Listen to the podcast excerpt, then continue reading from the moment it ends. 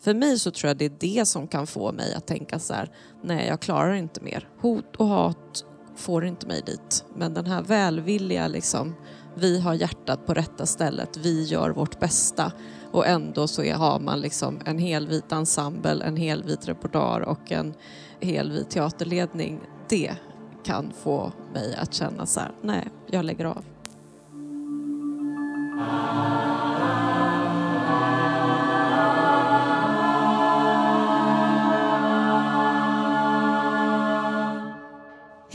Hej och välkomna till FULs antinationalistiska podcast Tal till nationen. Välkomna ni som är här och följer inspelningen live på Café Trapphuset i Vällingby i Stockholm. Välkomna. Och ni som lyssnar på podcasten. Det ni lyssnar på är sjätte och faktiskt sista avsnittet av konstgruppen FULs antinationalistiska podd om konstnärlig frihet. Anledningen till att vi gör den här antinationalistiska poddserien det är ju för att vi ser att det sker förskjutningar i demokratin och att populistiska, fascistiska och nationalistiska krafter arbetar ihärdigt med att försöka stoppa kritiska röster och personer som arbetar för allas lika värde. Detta uttryckt i allt från näthat till politiska beslut. Vi lever i en tid då rättigheter politiseras, begrepp approprieras och konstnärer inte skyddas av polis, myndigheter och institutioner. Ja, i alla fall ofta inte de konstnärer som arbetar för en mer rättvis värld och för en mindre polariserad verklighet. Jag heter Nassim Aghili. Jag är med i FUL, är regissör, dramatiker och konstnär och är ju också då programledare och samtalspartner för den här podden. Och bredvid mig sitter kvällens gäst som är den briljanta regissören, författaren, aktivisten och numera också verksamhetsledaren för Gottsunda dans och teater, America Vera Zavala. Hej, tack. Välkommen tack. America. Så fantastiskt kul att du är här. Vår sista gäst i den här antinationalistiska poddserien. Och eh, de flesta som lyssnar vet säkert vem du är men jag kan presentera dig lite grann ändå. Ja, Förutom att du är då en konstnär som har fått mycket uppmärksamhet för dina verk och ibland väckt mycket känslor och ibland till och med drev, det ska vi prata om senare, så är du ju också krönikör och en aktiv debattör i frågor som rör svenskt kulturliv och politik. Eh, 2017 så gjorde du föreställningen eller performanceföreläsningen Muslim Ban på Dramaten och hamnade mitt i en storm. Eh, du hade då året innan gjort föreställningen Svenska hijabis där du också mötte vissa försök till censur. Vi ska komma tillbaka till de här konkreta situationerna och jag skulle jättegärna vilja prata med dig om ja, men hur våra möjligheter att prata om saker som du brukar prata om, islamofobi, rasism och nationalism, hur de här möjligheterna har förändrats eller kommer att förändras. Vi befinner oss ju i en väldigt speciell politisk tid. Men jag tänkte vi skulle börja med frågan som alla får som första fråga i den här podden. Och det är, vad är konstnärlig frihet? Ja, konstnärlig frihet om jag skulle bara tänka utifrån vad jag hör när jag, när jag liksom hör orden är ju att det finns människor som skapar och som inte så att säga räds någonting annat än sin egen Alltså de egna begränsningarna för sin fantasi. Det är det som jag tänker på när jag tänker konstnärlig frihet. Jag tänker också att de gånger som jag har upplevt allra störst konstnärlig frihet är ju i tider av liksom stor kris och stort motstånd och stora hot. Alltså jag tänker att exempelvis eh, när ekonomin faller samman i Argentina 2001 och 2002 och liksom ingenting funkar och, och alla teatrar är ändå liksom helt fulla och vad heter det, alla teatermänniskor har liksom aldrig jobbat så mycket som de gjorde eh, då. Så att, ja, det tänker jag på som någon slags fri association. Ja, det är verkligen konstnärlig frihet. Tycker du att du har konstnärlig frihet? Um, Både ja och nej naturligtvis. Jag eh, i egenskap av verksamhetsledare för Gottsunda dans och teater så har jag, jag har en väldigt bra styrelse till exempel. Alltså den styrelsen som anställde mig anställde så att säga hela mig. Så att det var aldrig så att jag fick något sådär, men då får du inte eller då måste du tänka eller liksom sådär. Eh, så att på det sättet så har jag liksom en backning från dem helt och hållet. Sen så har jag ju inte det Alltså det kommer ju alltid finnas liksom en kommun eller en region eller en stat som har synpunkt på vad man gör. Eh, och sen så begränsas det naturligtvis också av den budget som man, eh, som man har. Så att både ja och nej. Men jag hade kunnat ha det värre på det sättet att jag hade kunnat ha liksom en styrelse som från början hade sagt eh, men då får du liksom inte vara så politisk. Eller så. Då hade jag i och för sig inte tackat ja till det. Men, men eh, ja, Men du har ju inte alltid varit konstnärlig ledare när du var frilansande konstnär då. Hur kändes det? Hur, hade du konstnärlig frihet då? Alltså, jag, det, alltså jag skulle nog svara ja på den frågan jätte, jättemycket. För att jag har ju varit, jag kom in i teatervärlden 2007. Jag har ju liksom ingen formell utbildning för vad jag gör. Och eh, det var Lars Norén som bjöd in mig till att skriva en pjäs. Eh, och sen började jag först skriva dramatik, var med och startade upp Botkyrka Communityteater och dans. Och sen 2014 så blir jag regissör. Och jag skulle säga att jag har haft extremt stor konstnärlig frihet på det sättet att jag alltid har gjort precis vad jag vill. eh, och det har ju också inneburit att ja, man ibland har jobbat eh, så att säga, utan att få någon ersättning för det för att man verkligen trodde på det arbetet och ibland eh, har man avstått från jobb som jag liksom tänker inte riktigt passar mig och liksom sådär. Men, eh, men jag har liksom sett till att ha väldigt stor konstnärlig frihet. Ja. Har du eh, någon gång ändå upplevt att du eh, blir begränsad i, din, eh, liksom, ja, i ditt konstnärskap? Jag tänker att det finns, eh, i, nu är det här sjätte avsnittet av den här podden och vi har haft flera gäster som tidigare har pratat om hur det ibland kan vara lite svårt att sätta fingret på vad som är friheten och när den begränsas. För att det finns också nivåer av... Alltså, som förutom det där som kommer utifrån direkt och med väldigt tydliga liksom, direktiv eller politiska beslut eller så, så kan den också befinna sig i situationer där den ja, men anpassar sig på grund av um, ett normativt konstfält mm. eller uh, sådana saker. Mm. Nej, men jag kan säga, för mig är det extremt lätt att sätta fingret på när den begränsas. Uh, och det är liksom någon slags sådär, rör aldrig en muslim. För att gör du det då kommer någonting att hända. Då sätts liksom krafter igång som du aldrig har sett tidigare. För att jag har, liksom, du vet, jag har gjort jättepolitisk teater om papperslösa, om arbetslösa, om gömda barn, om hit och dit och upp och ner. Och, ja, det har liksom aldrig väckt någon speciellt mycket debatt. Och, eh, folk har tyckt att det har varit så bra och klappat den på axeln och uppskattat det och de som inte har tyckt det var bra har absolut inte överhuvudtaget brytt sig och inte sett det. Och sen så har jag då det som jag kallar för mina muslimår som börjar med Svenska hijabis. Eh, 2016? Och, eh, precis, jag började jobba med det 2015. Ja, det blir liksom någonting helt annat. Alltså det är, alltså islamofobin är så stark i samhället och muslimer är så extremt så att säga, exotiska i vår kulturvärld. Kombinationen av det var verkligen imponerande. Ehm, så att eh, jag kan verkligen Vill du berätta vad som hände då? Nej men eh, ja, eh, det kan jag absolut göra. När, när det gäller exempelvis Svenska Jabis så har vi ju jag började 2015 med att försöka liksom hitta den grupp som ska stå på scen. Då hade jag liksom en tanke om att det skulle vara olika åldrar och sådär. Och ganska snabbt så inser jag liksom att det finns en ung generation hijabi som är väldigt sådär eh, de har liksom bestämt sig för att ta fighten i det offentliga rummet. De eh, liksom vill synas, de vill göra både och. Alltså de är, och hela den här liksom, eh, men modevågen som, som är och stora Instagramkonton och sådär. Så att jag liksom bestämmer för att men jag ska liksom, det är den unga generationen som jag ska skildra. Men det liksom utkristalliseras en grupp och vi bestäm, eller jag bestämmer att det första vi ska göra är liksom att ha en konferens. Väldigt ofta har man liksom så konferenser när ett arbete är slut. Liksom. Men i det här fallet så vill jag liksom starta med det så att jag ber Fatima Dobakil om hjälp och vi sätter samman liksom en konferens som har någon slags postkolonial liksom inramning.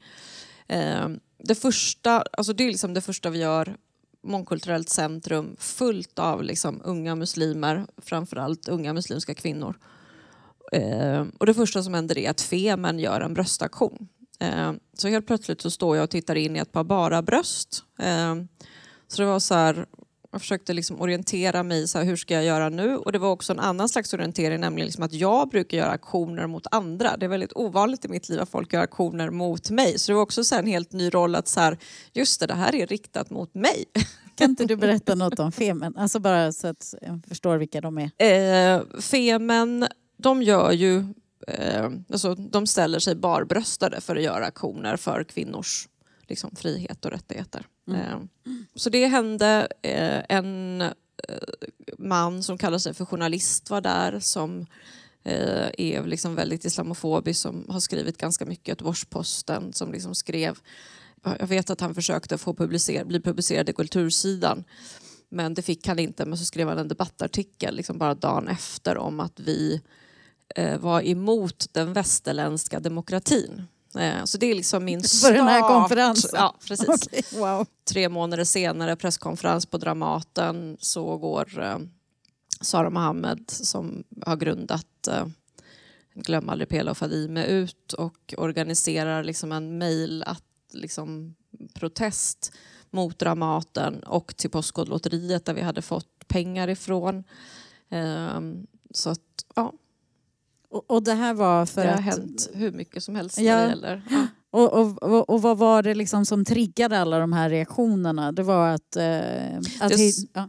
Nej, men det som var intressant just med, för att min tanke med uh, svenska hijabis var väldigt, väldigt enkel skulle jag säga. Liksom, det var verkligen inga såna här stora, djupa konstnärliga visioner utan det var så här, vi, samhället pratar väldigt mycket om unga muslimska kvinnor eh, och om hur förtryckta de är. Vi ser dem liksom i olika tv-serier och filmer bli mördade, bli förtryckta av sina pappor. Kan vi inte bara höra vad de själva har att säga? Liksom, vi lyssnar bara på dem. Det, det var liksom den enkla tanke jag hade. Och det var just den enkla tanke som sen väcker det här liksom raseriet och där exempelvis de från Varken Pelle Fadime säger så här, de ska inte få stå på Dramatens scen för det är kvinnoförtryck. Och hur blir reaktionerna från eh, ja, men den institution du jobbar med då, Dramaten? de, alltså, det var inte så att de blev liksom rädda eller backade eller sådär. Men det är klart att för varje sån här sak som händer så skaffar du dig själv och de andra problem. Och det är klart att det kommer så att säga kommas ihåg. Att det liksom blir ändå associerat till någonting, någonting som skapar ett besvär.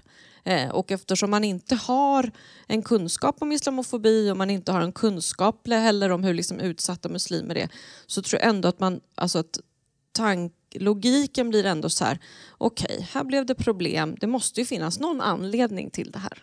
Eh, och vi kanske ska lägga till också att det, inte, det handlar inte bara om att göra verk om muslimer, eller hur? Utan det måste ju vara när muslimer också får komma till tals precis, eller inte exakt. bli porträtterade som terrorister. Ja, eller, precis, för det exakt. verkar ju kunna gå hur bra som ja, helst. Jo, men det går ju Faktiskt utan Ja. drev och Mm, ja, ja, precis. stora Ja. reaktioner. Ja, nej, nej, nej, utan det är ju liksom när de ska få tala själva. Och i det här fallet också, för det är det som har varit... Dels det som jag har gjort har ju egentligen inte varit alltså rent objektivt väldigt... Alltså det har inte varit så här speciellt politiskt och det har definitivt inte varit på något sätt kontroversiellt. Utan jag har så här ställt fem muslimska kvinnor på scen som får berätta om så här, en gillar att göra tårtor, en annan gillar att vara lärare och sen har de berättat lite om hur utsatta de är för, för fördomar. Det är liksom inte några så här stora revolutionära liksom, krafter som har satts på. Men det, alltså, det skapar sån ilska. Eh, ja, det skapar en otrolig ilska att de får tala själva. Och det är då man märker hur lite de får tala själva. Och sen året därpå, då gjorde du en till föreställning på Dramaten som Mm. heter Muslim Band. Mm.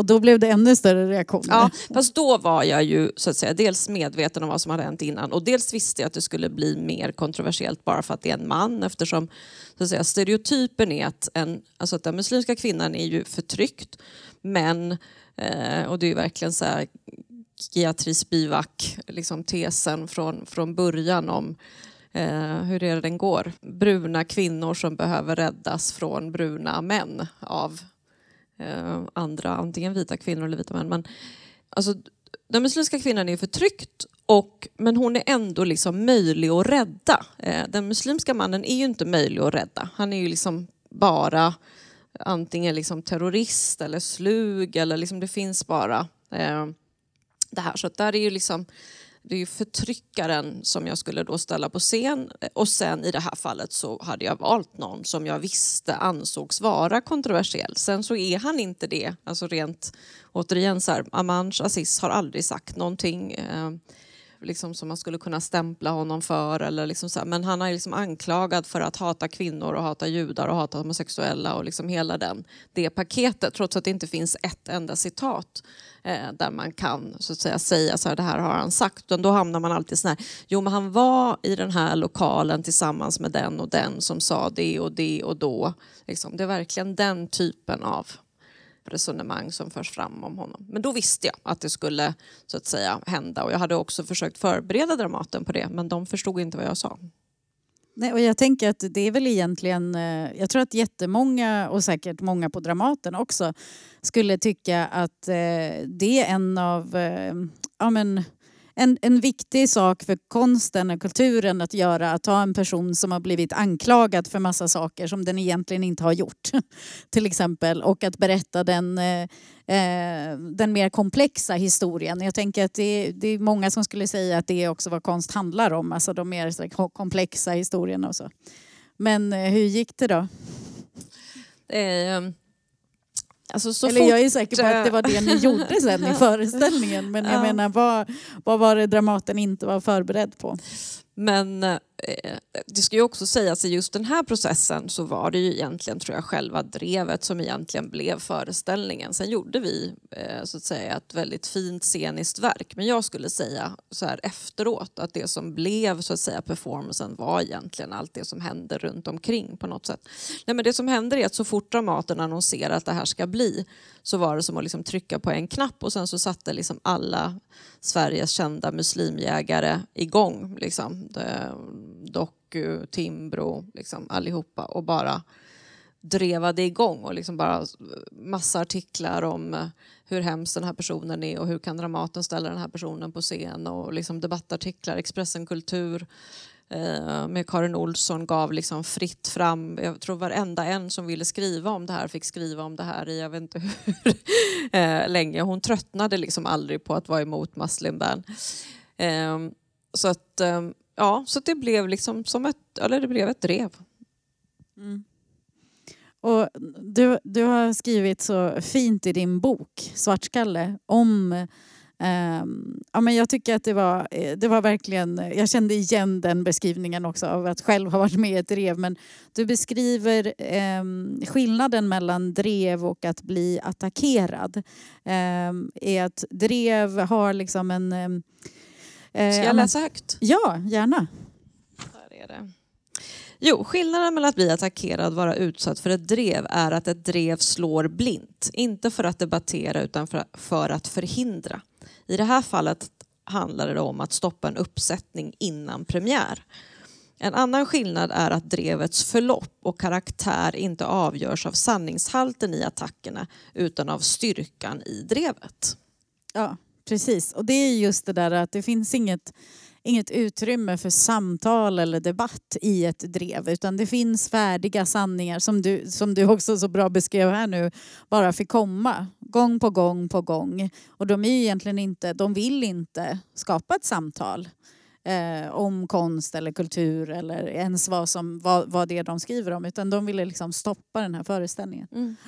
Det som också var intressant apropå konstnärlig frihet är ju att, att de här, så att säga, de människor som så att säga, sätter igång det här eh, drevet och sen håller på liksom, som då anses vara liksom, experter på muslimer eller terrorforskare eller eh, andra men även just liksom, så här, vissa människor som så att säga, skriver om kultur fast för Timbro eh, de menar ju att de är för konstnärlig frihet, att de till skillnad från liksom, muslimer och andra värnar den konstnärliga friheten.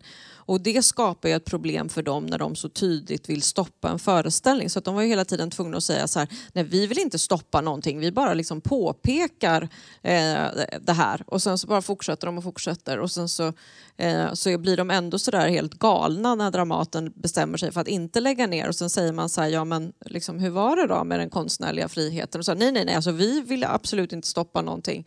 Så att man, ja, man hamnar i en konstig situation. Får jag fråga hur det känns att vara i den situationen då? Att vara mitt i ett drev?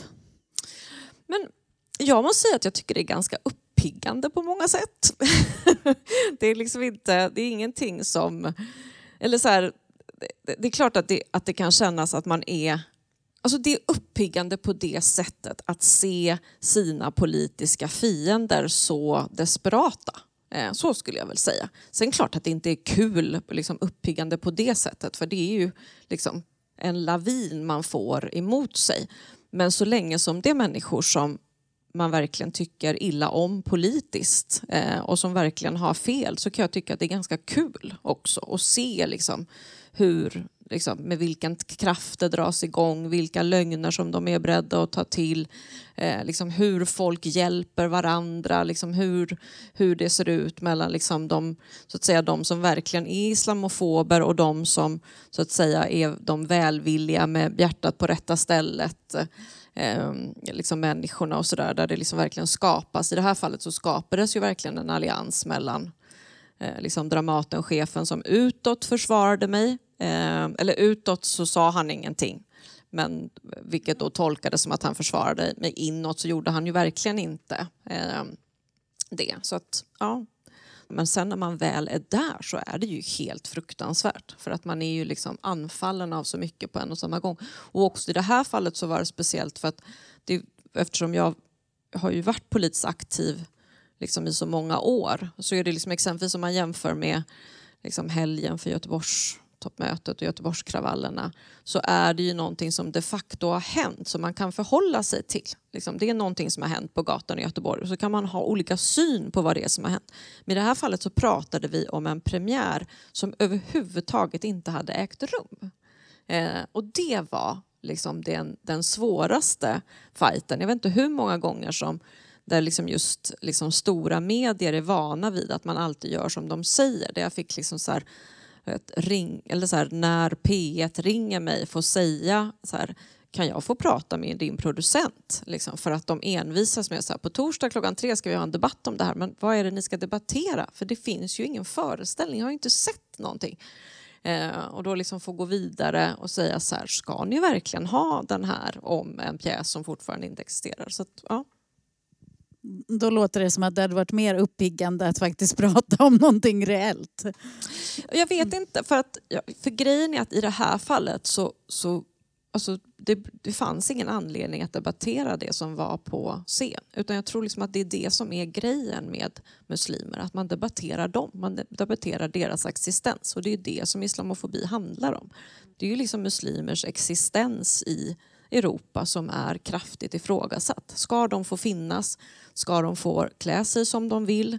Ska de få liksom be som de vill? Ska de få, alltså så här, det är ju deras existens som är. Så att på det sättet så speglar det också hur det ser ut. Det är inte så att muslimer är eh, så att säga, utsatta för den enorma liksom, hat och diskriminering på grund av vad de gör eller vilka de är. Utan det är ju på grund av föreställningen om eh, att de hotar liksom, vårt samhälle. Ja, men det, det, det, är en sak att, precis som du sa också, att diskutera faktiskt ett konstnärligt arbete som en har gjort. Men här är det ju andra saker som diskuteras. Så jag tänker att ibland så kan jag också ja, men fundera på om konstnärlig frihet är faktiskt också att bara få vara konstnär. Och då menar jag inte bara som i att en inte ska göra konst om det samhälle en lever det, alltså det är absolut inte allt. All konst jag gör bygger också på det. Eh, att vara i dialog med liksom världen utanför så att säga.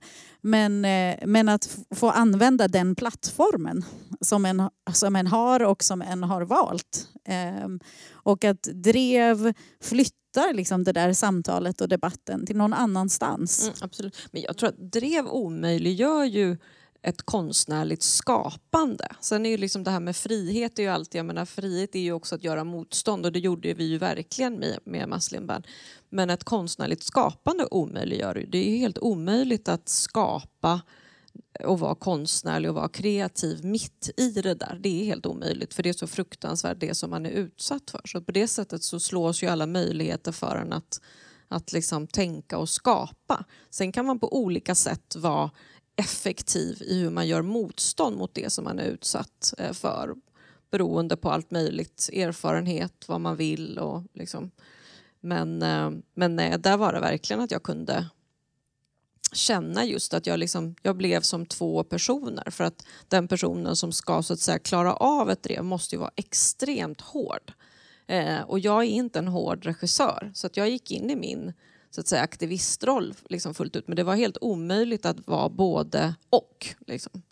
Eh, Ja, men tror du att du har mycket då med dig, det har ju du sagt här nu indirekt ändå, men att, att just din politiska bakgrund också gör att du klarar av sådana här situationer? Ja, ja, självklart. Det är ju den som gör att jag gör det, absolut. Har du några strategier som du vill dela med dig till dina eh, konstnärskollegor? Eh, ja, jag har hur många som helst och jag skulle alltid dela med mig av dem liksom, väldigt generöst om någon råkade ut för något som liksom hörde av sig och sådär. Men sådana allmänna, men liksom dels att... Alltså för mig så är liksom det, det viktigaste som man kan göra i ett drev det är att inte backa ens liksom en tiondels millimeter. Eh, för att om man börjar backa lite grann då kommer man aldrig kunna liksom sluta. Så att det liksom gäller att även till och med försöka ta ett steg framåt. Det är liksom det viktigaste i ett drev. Om man tror att man kan så förklara eller ursäkta eller börja, liksom säga, börja kompromissa eller liksom något sånt där, då är man körd. Eh, så att inte gå, inte ens tänka att man ska backa. Mm. Men jag tänker att det är jätteviktigt att vi har de här samtalen nu. För att det, det är ju, jag menar om det var svårt att prata om islamofobi 2017, hur svårt kommer det inte vara idag? Mm.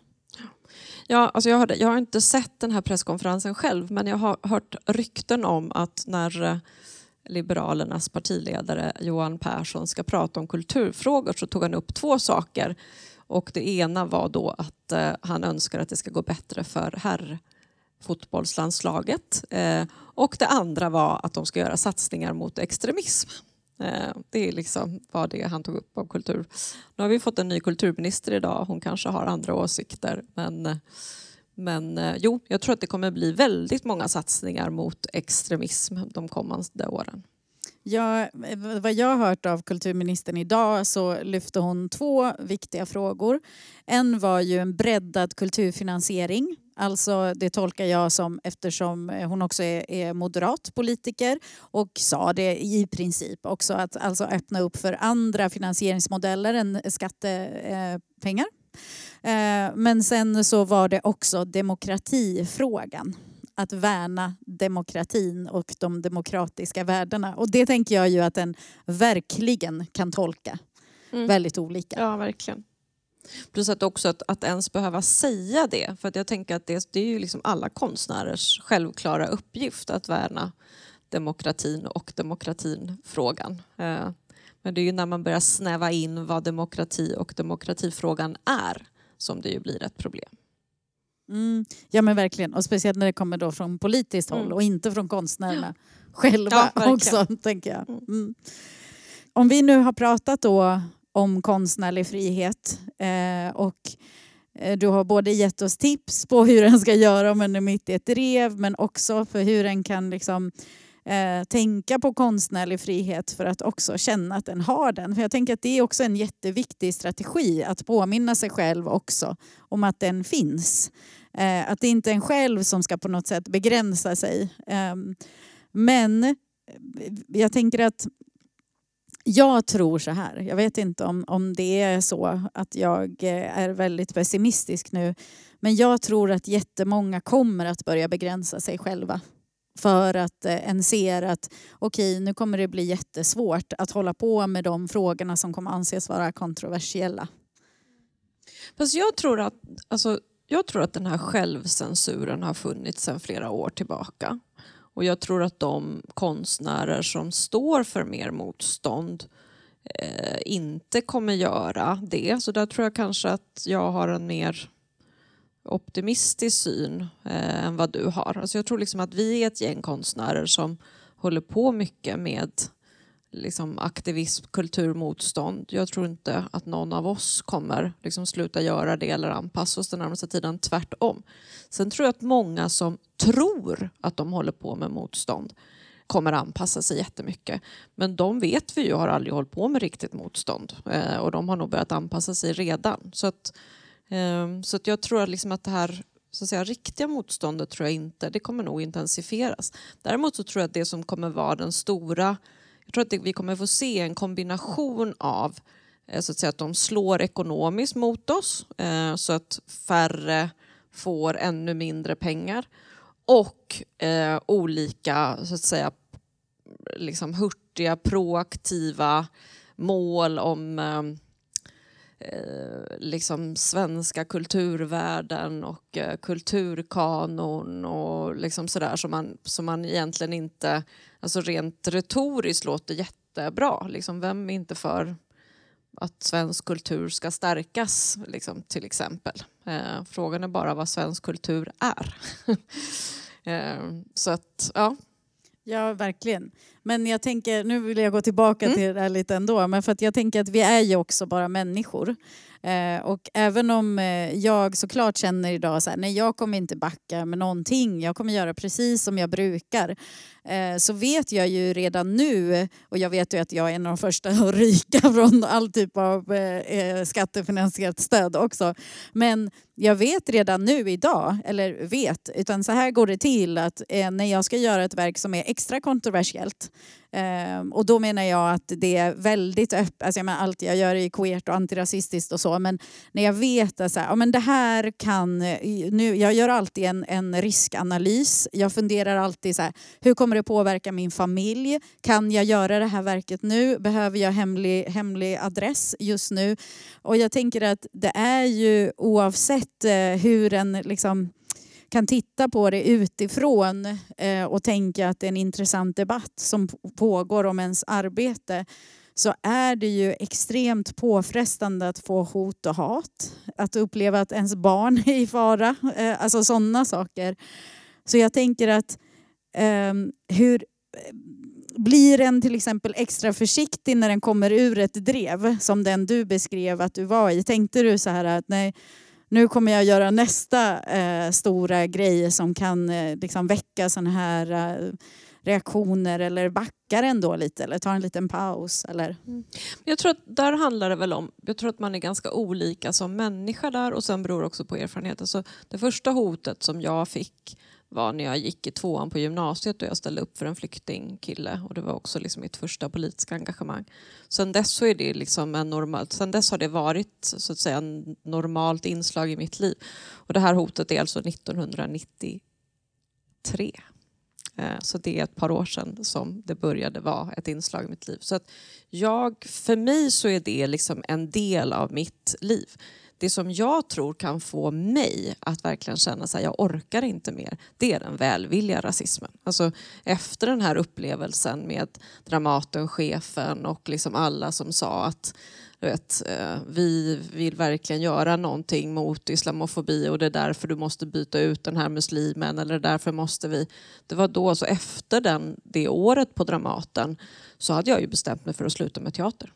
För att jag orkade inte sitta framför en vit manlig teaterchef till och förklara saker för honom som han redan vet och som är helt uppenbara. Där man liksom kan titta på hur ser liksom ensemblesammansättningen ut, hur ser repertoaren ut för att se att representationen är på botten. För mig så tror jag det är det som kan få mig att tänka så här, nej jag klarar inte mer. Eh, hot och hat får inte mig dit. Men den här välvilliga, liksom, vi har hjärtat på rätta stället, vi gör vårt bästa. Och ändå så är, har man liksom en helvit ensemble, en helvit repertoar och en helvit teaterledning. Det kan få mig att känna så här, nej, jag lägger av. Vad, vad var det som gjorde att det kändes så tungt? Så att du tänkte att du skulle lämna teatern? Det var inte att det kändes tungt, jag bara kände att jag fick nog. Jag hade liksom hållit på och förklarat de här sakerna hundra gånger kände jag. Och så var det så en gång för mycket. Jag bara, nej, jag tänker inte göra det här mer. Det här vet ni ju. Liksom. Ja, nej, jag tänker inte göra det här mer. Men sen ändrade du dig? Och sen ändrade jag mig. Mm. Fast det var för att jag älskar teater, inte för att jag inte är trött på dem. Eh, men, men eh, väljer du då dina sammanhang nu mer försiktigt, eller vad jag ska säga? Nej, det har jag ju alltid gjort. Och det trodde jag att jag gjorde. Jag menar, det var ju väldigt tydligt vad jag skulle göra. Det var inte så att jag smusslade med vad jag skulle göra. Jag hade liksom skrivit riskanalysen åt Dramaten eh, innan och hade liksom sagt flera gånger att det här kommer hända. Men jag tror inte de fattade vad, vad det här var. Liksom. Så, att, eh, så att nej, det gör jag inte. Är du, alltså, ja, men, ja, men, tänker, nu pratar vi om motstånd och riktig motstånd eller inte riktigt. Alltså, jag tänker att det handlar väldigt mycket om vad en vågar riskera. Och jag, alltså min strategi de senaste åren har ju varit så här, ja men det kan gå väldigt illa i valet 2022. Det gjorde det ju tyvärr. men eh, så jag har tänkt så här, jag ska jobba så mycket jag bara kan nu. För det är inte säkert att jag kan jobba sen. Eh, och det är klart att jag alltid kommer jobba men att kunna försörja mig som konstnär för vi är ju också vana vid ett skattefinansierat system Eh, där, där vi faktiskt får, eh, alltså det finns ett, ett system för hur, hur, hur vi befinner oss inom det här fältet. Och jag menar vi måste ju börja prata om andra typer av strategier för hur vi ska kunna göra konst. Eh, men tror du, vad finns det för risker med att vi eh, ja, men börjar bli rädda för våra, eh, våra jobb? Men det är vi ju redan. Eh, det tänker jag att det, det, är vi ju redan. Så att, och den här liksom frilans och låga löner och osäkra anställningar, allt sånt där är vi ju redan rädda för. Jag tror att det som kommer vara svårt framöver det är att prioritera politiskt. Eh, för att det är så mycket, alltså så här, på en och samma dag har de lagt ner miljödepartementet, vi har fått en kulturminister som aldrig har hållit på med kulturfrågor. Eh, vi eh, har eh, liksom en regeringsförklaring där man pratar om vandel som jag tror är ett helt fullkomligt okänt ord för de allra flesta normala svenskar som inte använder det eh, i sitt vokabulär. Eh, en otroligt högerextrem migrationspolitik. Så att frågan framöver kommer vara vad är det vi ska, liksom, hur ska motståndet se ut och hur ska vi prioritera? Det tror jag kommer vara eh, det, det svåra. Rädda om våra jobb, det har vi redan varit hela tiden. Men och när du säger vi, vilka menar du då? Alltså vi kulturarbetare har ju varit rädda för liksom, om jobb. Men hur vi ska eh. prioritera? Men är det då vi konstnärer också du menar? Där pratar jag väl kanske, alltså dels pratar jag om de konstnärer som är politiska. Men sen pratar jag om liksom vänstermänniskor överlag tror jag. Alltså någon slags liksom kulturaktivister. Eh, ja, där pratar jag om ett, definitivt ett större kollektiv. Hur ska de människor som drömmer om en annan och bättre värld prioritera framöver? Det tror jag kommer vara det svår, den svåra frågan eller de svåra frågorna. Det finns ju så mycket, det är så många frågor och, och liksom, eh, risker och rädslor som jag tänker kan faktiskt eh, uppstå av, av att eh, Sverige ju har gjort en helt radikal historisk politisk förändring de här senaste dagarna. Liksom. Men eh, om du får eh, visionera lite fritt, eh, skulle du vilja skicka med ja, men förhoppningar om hur vi kan faktiskt organisera oss nu så att vi inte blir så överrumplade av den här eh, tyvärr faktiskt fascistiska vågen som är här. Dels så tänker jag att jag eh, tror på väldigt många fler liksom övergripande allianser mellan frågor. Att liksom se en antirasistisk rörelse samarbeta med en feministisk rörelse som samarbetar med klimatrörelsen eh, och liksom hitta gemensamma, och då menar inte jag liksom gemensamma slagord eller gemensamma liksom programpunkter utan snarare liksom gemensamma ytor och det gemensamma fält att slåss på och kring liksom om. Eh, det tror jag är viktigt de kommande eh, åren. Att det liksom inte är så här, men det är min fråga som är den viktigaste eller din. Eller, utan att det är så här, men hitta enskilda frågor och enskilda liksom, ja, men saker som vi slåss för, som vi kan enas kring då och då.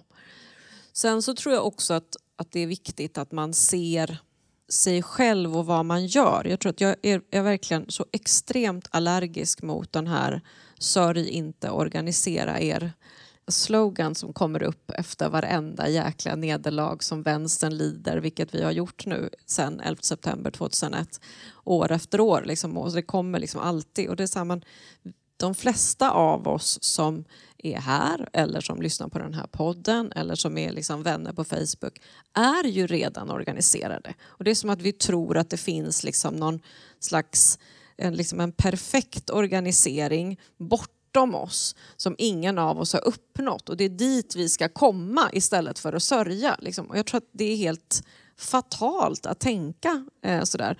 Jag misstänker också att, att det finns liksom delar av den gamla vänstern kvar i det här tänkandet om att det ideala vore om vi alla vore liksom fackföreningsledare och inledde någon slags strejk på någon fabrik. Men liksom den fackföreningsrörelse som vi tillhör är liksom någon slags frilansarnas ja, men ett väldigt prekärt ekonomiskt system skulle jag säga för kulturarbetare snarare eh, än liksom ett traditionellt liksom slagfält liksom på en sån eh, liksom arbetsplats där man kan organisera sig i fikarummet. Eller så så att jag tror att, att, att vi måste värdera den organisering som vi har. Och kan vi värdera den, då kan vi också se så här, ja, men det, här, det är det som är svagheterna och då kan vi också stärka upp den. Eh, och då kan vi också se men vad är det för mellanrum vi behöver skapa. Liksom. Du och jag, Nassim, vi håller på med kultur vilka ska vi samarbeta med för att liksom, slåss för den här frågan? Eh, liksom, vad är ytorna mellan det vi gör och andra som behöver liksom, täckas upp? Jag tänker att det finns något, eh, något annat också eh, jätteviktigt i det du säger är, som du inte sa rakt ut, men just det här med att tänka att vi ska göra saker tillsammans. Mm. För jag tänker vi befinner oss ju också inom ett fält där vi ständigt får höra att vi är varandras konkurrenter. Mm. Ja, ja verkligen. Mm. Ja. Göra saker tillsammans. Och sen så hoppas jag att man, att man förvandlar sina egna teatrar till eh, så att säga ett fält för motstånd i större utsträckning. Och det behöver inte vara liksom att man ställer sig upp och läser en liksom antifascistisk monolog. Det kan ju också handla om att man för en viss typ av samtal eller bjuder in en viss typ av människor eller har en viss typ av konferenser eller en viss typ av samarbeten. Alltså det finns otroligt mycket som man kan göra. Eller stöttar vissa konstnärer. Ja, absolut. Mm. Okej, nu har vi kommit till sista frågan. Mm. Om du fick bestämma vad konstnärlig frihet är, vad skulle det vara då? Hur skulle det se ut? Oj får jag svara på flera sätt? Absolut. Ja. Men dels tänker jag ett sätt är ju helt självklart och det är liksom att helt enkelt öka anslagen till kulturen. Det är liksom det mest självklara och det mest enkla. Eh, sen så tänker jag att jag skulle vilja se en helt annan representation eh, på alla nivåer. Alltså framför allt liksom på de, så här, alltså just det, så här, teaterstyrelser, teaterledningar, Eh, att liksom se en annan representation där. Så för det skulle jag automatiskt ge en annan representation liksom, på scenerna eh, och så. Men sen så skulle jag nog säga för att jag eh, dels Konstsilda dans och teater traditionellt är en barn och ungdomsteater och för att jag tror att vi går emot tider där barn i utsatta områden, barn till eh, människor som inte har liksom, legala papper, barn till människor som på olika sätt har det svårt. De kommer få det så himla mycket tuffare framöver. Och där tror jag att konstnärlig frihet för mig skulle vara att göra olika saker för att rädda deras fantasi undan en väldigt hård verklighet. Eh, jag tror att många gånger också att vi som håller på med den här typen av konst, att man tror om oss att vi alltid gör väldigt så dokumentära saker eller eh, liksom aldrig jobbar med fiktion och det stämmer ju inte. Eh, utan vi jobbar ju väldigt mycket med fantasi just för att, för min del tänker jag att jag verkligen, alltså att, att rädda människors fantasi eh, och barns fantasi är livs livsviktigt. För att om vi inte räddar den fantasin så kommer de inte ha något hopp och har de inget hopp då har vi inget motstånd. Och utan motstånd, då finns vi inte. Så en förutsättning för konstnärlig frihet är att motståndet skulle också få finnas då? Ja, eller? absolut. Fast motstånd kommer alltid finnas. Så länge vi lever. Så den, det är inte ens en fråga. Den dikteras inte av yttre liksom, eh, Nej, drivkrafter eller lagar. Eller... Nej. Motstånd kommer alltid ja, finnas. Ja, vi ser ju Iran just nu. Det gör vi verkligen. Ja, motstånd kommer alltid finnas. Det dikteras absolut inte av, av, eh, av yttre lagar. Eh, alltså inte på det sättet. Så att, eh, fantastiska sista ord mm. för den här poddserien och för den här kvällen. Tack så Tack. mycket Amerika. Ja. Tack. Tack. Tack.